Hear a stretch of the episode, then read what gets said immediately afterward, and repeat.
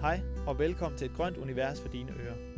Her får du tips og inspiration til, hvordan du kommer i gang med din egen køkkenhave. Sammen kan vi blive klogere på, hvordan du kan blive mere selvforsynende med egne grøntsager. Og vi kommer ligeledes med idéer til, hvordan du selv kan starte dit grønne iværksættereventyr. Uanset din baggrund og erfaring, vil du blive inspireret til at komme i gang med at dyrke dit eget grønt, og vi tager godt love, at du kun kan gå glad herfra. Jeg hedder Jes Hjort, og sammen med mig er min medvært Anja. Velkommen til.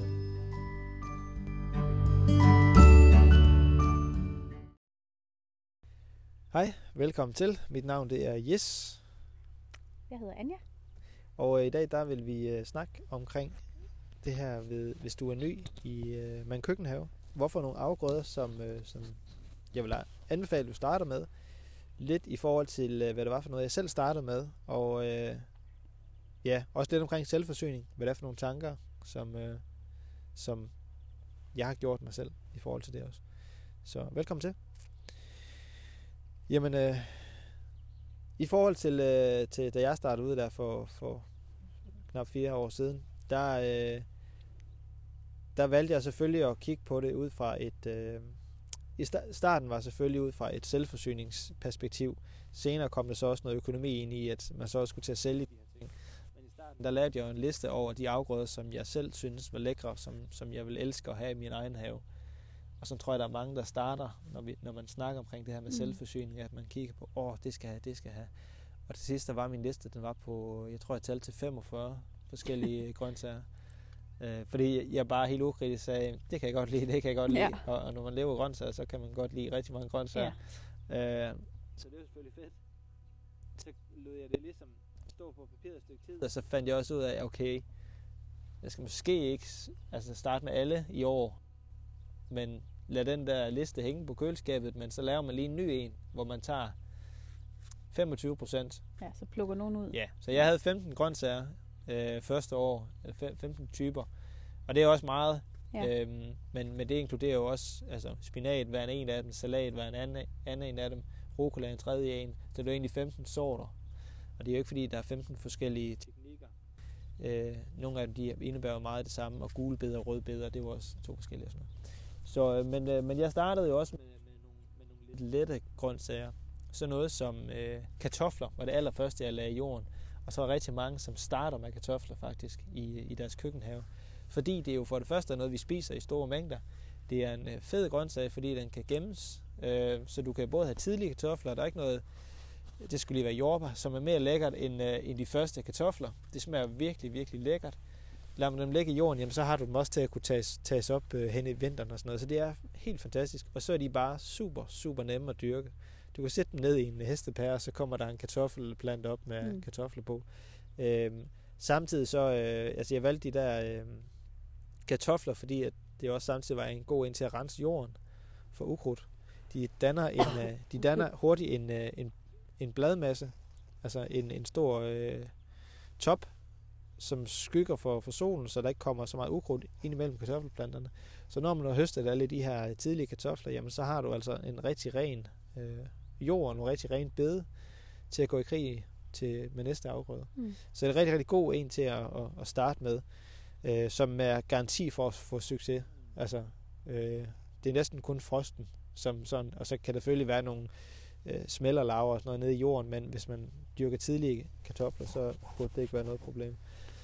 Men hvis man for eksempel kun har, og ikke kun som i, at det er dårligt, men hvis, hvis det, man har til rådighed, det er et højbed, Ja. eller fire højbede for Ja. eksempel i en have, Ja. fordi de fleste har jo ikke bare en kæmpe stor køkkenhave. Hvor, sådan en, og lad os, sige, lad os gå helt øh, til at sige, at det er simpelthen øh, det er pallerammer, man har. Ja, 80 gange 120. 120, ja. Så hvor mange rækker kartofler? Kan der være to? Jo, altså jeg plejer at sætte kartoflerne øh, 35 gange 35. Det kan man godt gøre, hvis, hvis, øh, hvis man ikke har så meget plads. Ja. 35 imellem og Rækken 35. og, og i rækken? Ja. Ja. Så, så der kan jo godt være to rækker kartofler, hvis man fylder jeg vil sige, et højbed. Ja. Med, øh, typisk så vil man måske have mere end et højbed. Men lad os sige, at man har et højbed, jamen så kan du have to kartoffelplanter.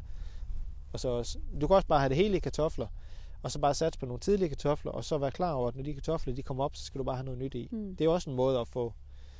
Fordi det er også fedt nok, hvis man har, hvis nu kun har det her højbed, og man har kartofler i det, så er det også rigtig lækkert. Fordi der er ingen tvivl om, de kommer til at smage godt. Så man ville ønske, man havde haft flere, Mm. altså plantet nogle flere, eller sat Mm. nogle flere kartofler.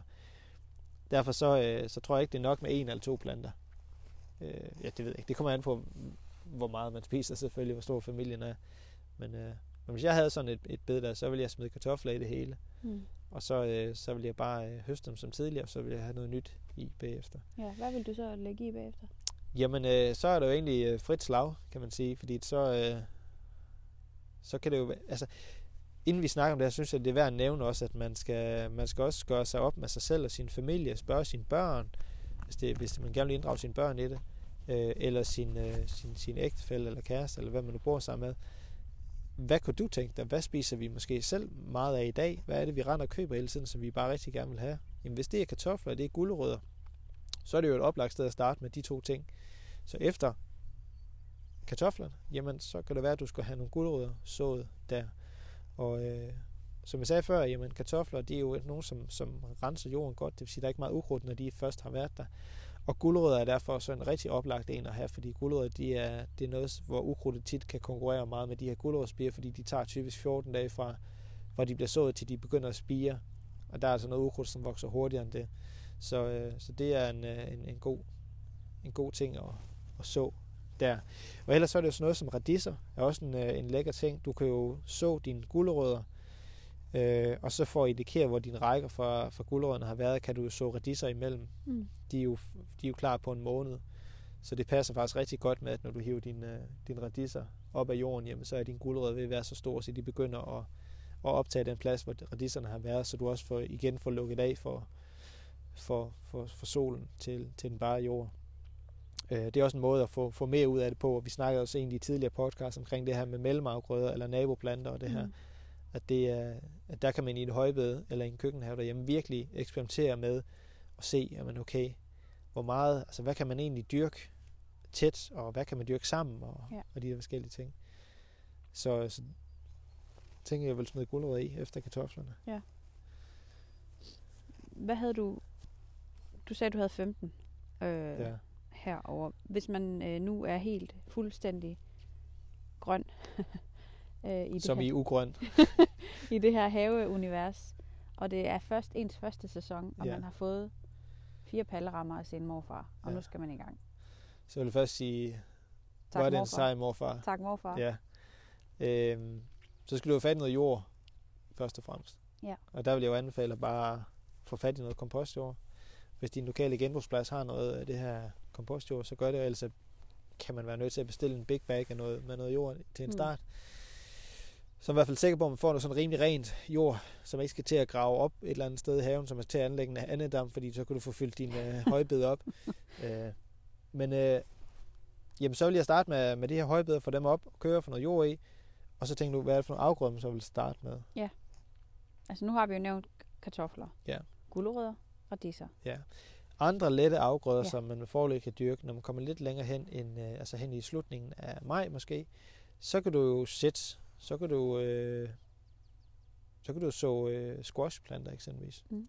Øh, squash er jo, har lidt fået ry for at være sådan lidt en, øh, en kedelig en, fordi at øh, den giver altid meget mere, end man selv kan, kan spise, og den er så næsten sådan en slags ukrudt, der er midt om sommeren, fordi og hvad skal vi med alle de squashplanter? Det er næsten også for meget, ikke? Øh, så man glemmer lidt, hvor, hvor, hvor, hvor stor en overflod den kan give af, Ja. af, af høst. Men øh, det skal man bare se som en gave i stedet for, så bare være rigtig, rigtig god til at få det, få det brugt, så gør sig nogle tanker inden. Hvis du vælger at have squash i din have, så skal du vælge at sige til dig selv, når de så er klar, så ved jeg lige præcis, hvad jeg skal bruge dem Mm. til. Så skal der lave squashkage, der skal lave squash eller der skal øh, konserveres. Der, squash, syltet squash, squash, squash, ja, squash. Øh, der er så mange ting, man kan gøre, hvis man, hvis man tænker lidt anderledes end, end sådan almindeligt. Men også super nem, og skal egentlig bare høstes. Og den kan høstes helt ind til den der øh, sort, jeg har, der hedder Serafina. Det er en meget sen bærende sort, så du kan faktisk have den helt ind til oktober til den første frost, den rammer. Der bliver den faktisk ved med at give. Okay. Så øh, apropos i forhold til at have et højbed, øh, der kan man sagtens have squash. Squash, de fylder omkring en kvadratmeter per plante, så den er ret, ret, ret voldsom. Mm. Øhm, der kan man godt have to planter, sådan en højbed der, og så virkelig have, have og så kan du stadig nå at sætte nogle hvidløg i oktober måned, når de bliver hævet op. Ja. Øhm, Og ellers så vil jeg jo, jeg vil ikke sige, at der er noget, der er rigtig forkert her i forhold til, når man skal vælge lette afgrøder, fordi, som jeg sagde, inden vi tændte for mikrofonen her, jamen der er jo ikke nogen afgrøder, som bliver lettere, bare fordi man venter med dem. Fordi der er jo, det kan da godt være, at man udskyder den her blom, det her blomkål der hele tiden, fordi man har hørt og læst meget omkring, åh, oh, det er svært, og ja. den bliver ikke til noget som helst, og skadedyr og alt sådan noget. Jamen, hvornår, hvornår søren skal man så blive god til at dyrke blomkål, hvis, ja. ikke man, hvis ikke bare man gør det? Så der er også sådan lidt noget modsigende i det her, vi sidder og snakker om, fordi i virkeligheden, så handler det jo egentlig om at kaste 40 bolde op i luften fra starten af det første år. Men så skal man også bare være klar over, at man, man har kun en, en vis mængde tid til at få, få, få passet og få, få plejet og holde øje med dem og sådan noget. Øh, så skal man også bare være klar og indstillet på, at der vil være nogle af boldene, der rører ned og falder på jorden. Øh, nok halvdelen af dem. Men, øh, men, men så rejser man sig bare, og så siger man, så de 20, jeg greb, jamen dem fik jo så til gengæld styr på. Øh, hvad det er for nogen, man fik styr på, det ved man så ikke inden. Men, men, eller man kan vælge den helt stensikre plan, køre meget konservativt, øh, med en 100% succesrate, øh, mm. hvis det er det, man gerne vil. Og så køre, køre de her ting, som vi har snakket om. Øh, det er selvfølgelig også sjovt, men jeg ved også, at der er nogen, der lytter med, som tænkte, jeg vil gerne prøve nogle af de der lidt spændende sorter, de der nye sorter, og og sådan er jeg der også. Altså, mm. jeg, vil, jeg vil da også, jeg vil ikke starte med de der bum, bum, bum. Jeg vil gerne have nogle, men jeg tror, det er vigtigt, at man måske laver en kombi, altså sige, de ting, sådan noget som kartofler, radiser og ting, som siger, det kan bare næsten ikke gå galt, øh, at man, man har nogle af dem at inkorporere i sin, i sin køkkenhave, og så har man 20 procent, hvor man siger, det her, det er mere high risk, high reward, ikke? Altså, der satser man hele butikken butikken på det her. Det kan være, at det hele går, går nedenom hjem, og det kan være, at det bare bliver verdens bedste høst. Det, det, den, den model tror jeg også er meget interessant for mange. Vi fik jo et spørgsmål øhm, den anden dag fra, øh, ja, fra en følger om, at øhm, hun har kun mulighed for at dyrke tomater på friland. Og hendes tomater bliver simpelthen så beske. Og jeg er godt klar over, at vi dyrker dem ikke på friland herover. Jeg har hjemme i min egen have dyrket nogle, øh, sådan nogle busktomater, ja. der fungerede super godt på. Ja. Men, men det jeg egentlig vil frem til, det er det der med, at hvis man nu ikke har et drivhus, og man bare ikke lige, der er ikke et drivhus i sigte, skal man så bare fuldstændig droppe tomater? Nej, det skal man ikke. Hvordan gør du, Anja? Jamen, øh, jamen, jeg kører lidt eksperimenter. Jeg fik jo først et drivhus sidste år. Ja. Øhm, og tomater er faktisk ikke noget, jeg har, har gjort i før, fordi at jeg altid har tænkt, at de skulle have så meget varme. Øhm, og så sidste år prøvede jeg øh, selvfølgelig fyldt hele drivhuset med tomater, og så satte jeg busktomater udenfor. Og så så jeg også nogle, øh, eller udplantet, nogle jeg havde forspiret, nogle altså rigtige tomater, eller ligesom dem, jeg havde inde i drivhuset på friland, ja. for øh, helt almindelig, helt almindelig sådan en money, det var faktisk moneymaker, ja. tror jeg. Ja. Øhm, for at se, hvordan det, øh, og det hele kunne lade sig gøre. Øh, så jeg tror ikke, man skal, altså, så du har netop, undskyld afbrud, du mm. har netop taget den der model, som vi snakkede om, at sige, du har sat noget ind i drivhuset, mm. som er mere forudsigeligt og mm. sikkert, og så har du også flyttet nogle planter udenfor for at se, hvordan går det? Altså. Men intet af det havde jeg prøvet før. Jeg har heller ikke Nej. prøvet at have tomater i drivhus, så jeg anede intet om det. Og hvor det var... meget, hvor, hvordan føler du så, at din succes var med det? Ja, det var en kæmpe succes. Jeg havde virkelig mange tomater. Ja. Øh, så det var... Det var øh... Føler du, du havde bedre forudsætninger for at lykkes med det end andre? Nej. Nej. Hvorfor ikke? Jamen, hvorfor skulle jeg have det? Du kommer ikke ud af et eller andet nej, særligt. Nej. Øh, Tomat øh, imperie, hvor ja. alle kan dyrke sådan noget. Nej. nej, nej. Øh, jeg kunne godt bare godt lide tomater. Ja. Øhm, det er også en stor del af det at få det til at lykkes. havde heller ikke læst noget om det. Jeg gik bare i gang med at forspire dem. Altså, jeg havde ikke gjort noget forarbejde. Du har taget alt det der, som, som man kan komme til at blive helt skør af. Øh, alle de der regler. Do's and don'ts ja. og alt det der. Ja. Der har du pakket helt væk simpelthen. Ja. ja. Øhm, og det er meget fedt at så, høre. Øh, så jeg kastede mig bare ud i det, og det, det øh, jeg har heller ikke været særlig øh, grundig med gødning eller noget som helst, så det er, det er faktisk de er ret taknemmelige sådan nogle tomater, når ja. det nu skal være. Ja. Så, de, der, de der tomater, du har plantet udenfor, hvor har du plantet dem henne? Øhm, det ene havde jeg plantet, øh, altså dem, som jeg også har plantet inde i drivhuset, dem har jeg plantet i et, bare sådan et, et bed på friland, altså i direkte i jorden. Og bustomaterne havde jeg plantet i. Ja. Op, op af noget? Nej. De stod frit? Helt frit? Ikke op i nogen varm mur eller Nej. noget? Okay. Fordi det var, der, jeg, det var der, jeg havde plads. Ja, jeg havde sat okay. sådan en bambus... Øh, ja. 10 mm bambusgren ved. Det ja. var det eneste, jeg lige kunne tilbyde. og de andre bustomaterne, de var, øh, de var i sådan nogle selvvandingskasser. Øh, kasser. Kapillærkasser? Ja. ja. Og det fungerede mega godt. Så, øh, så jeg tror ikke, man skal være, det var egentlig det, jeg vil sige, man skal ikke være så bange for det der med tomater. Øhm, I forhold til den beske smag, som jo faktisk var det spørgsmål, det gik på, det ved jeg ikke. Har du nogen? Øh... Nej, jeg har aldrig dyrket øh, frilandstomater.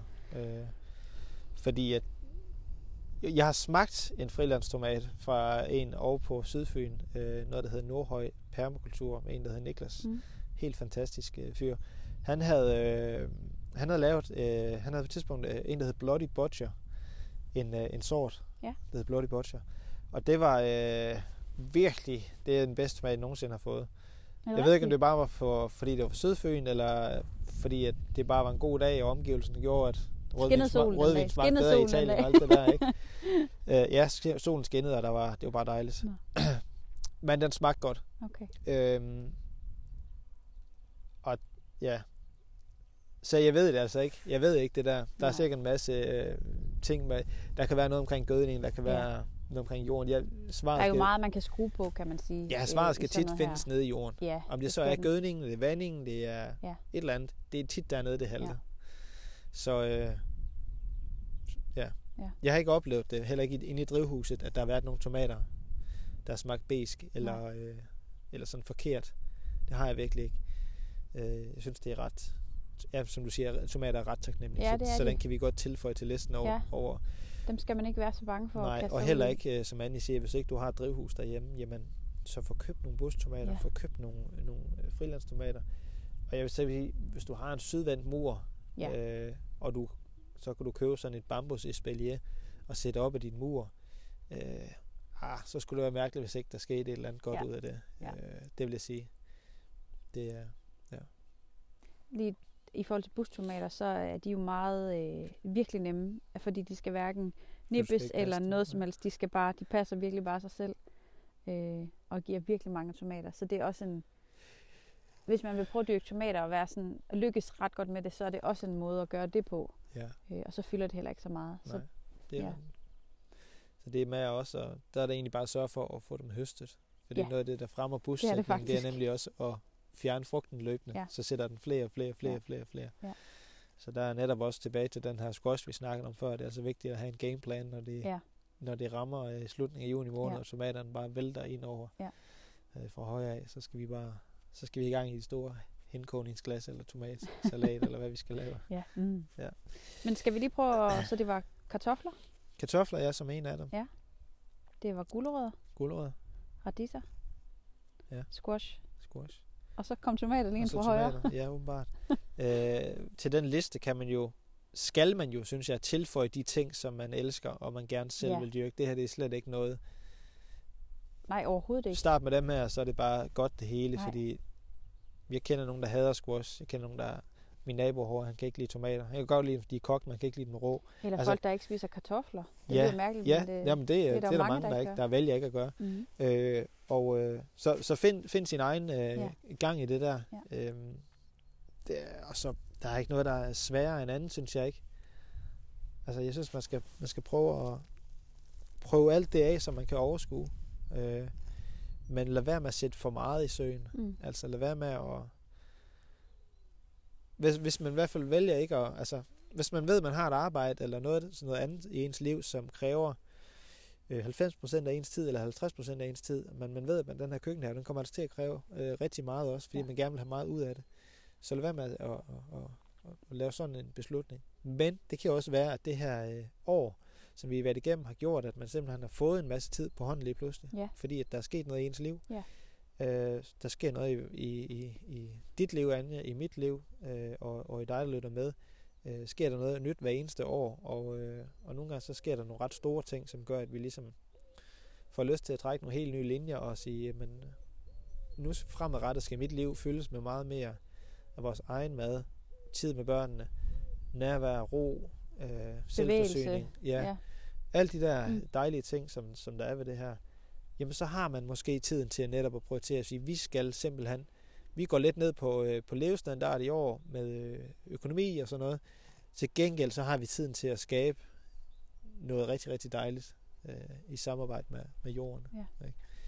Så det kan være, det kan Jamen, også være øh, noget. Ja. Lad, det, lad det være de sidste ord, synes jeg. Ja, og tak fordi, at øh, du bidrog, Anja. Det var dejligt. Ja. Og øh, tak for, fordi du lyttede med. Vi, øh, vi lyttes ved i næste episode. Ha' det godt.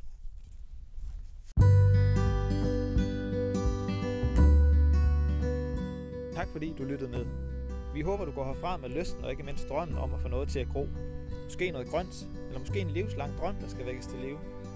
Det vil betyde rigtig meget for os, hvis du vil dele din ærlige mening i en anmeldelse, ligesom vi vil sætte stor pris på, hvis du deler podcasten med andre, du tænker, der vil have glæde af at lytte med. Hvis du vil se og høre mere til os, så kan du gå ind på Instagram, finde Økotopen, hvor du kan følge med i vores dagligdag, eller hoppe ind på YouTube og finde Økotopen, og se hvordan man kan leve af at dyrke grøntsager på 800 kvadratmeter. Vi lyttes ved. Ha' det godt.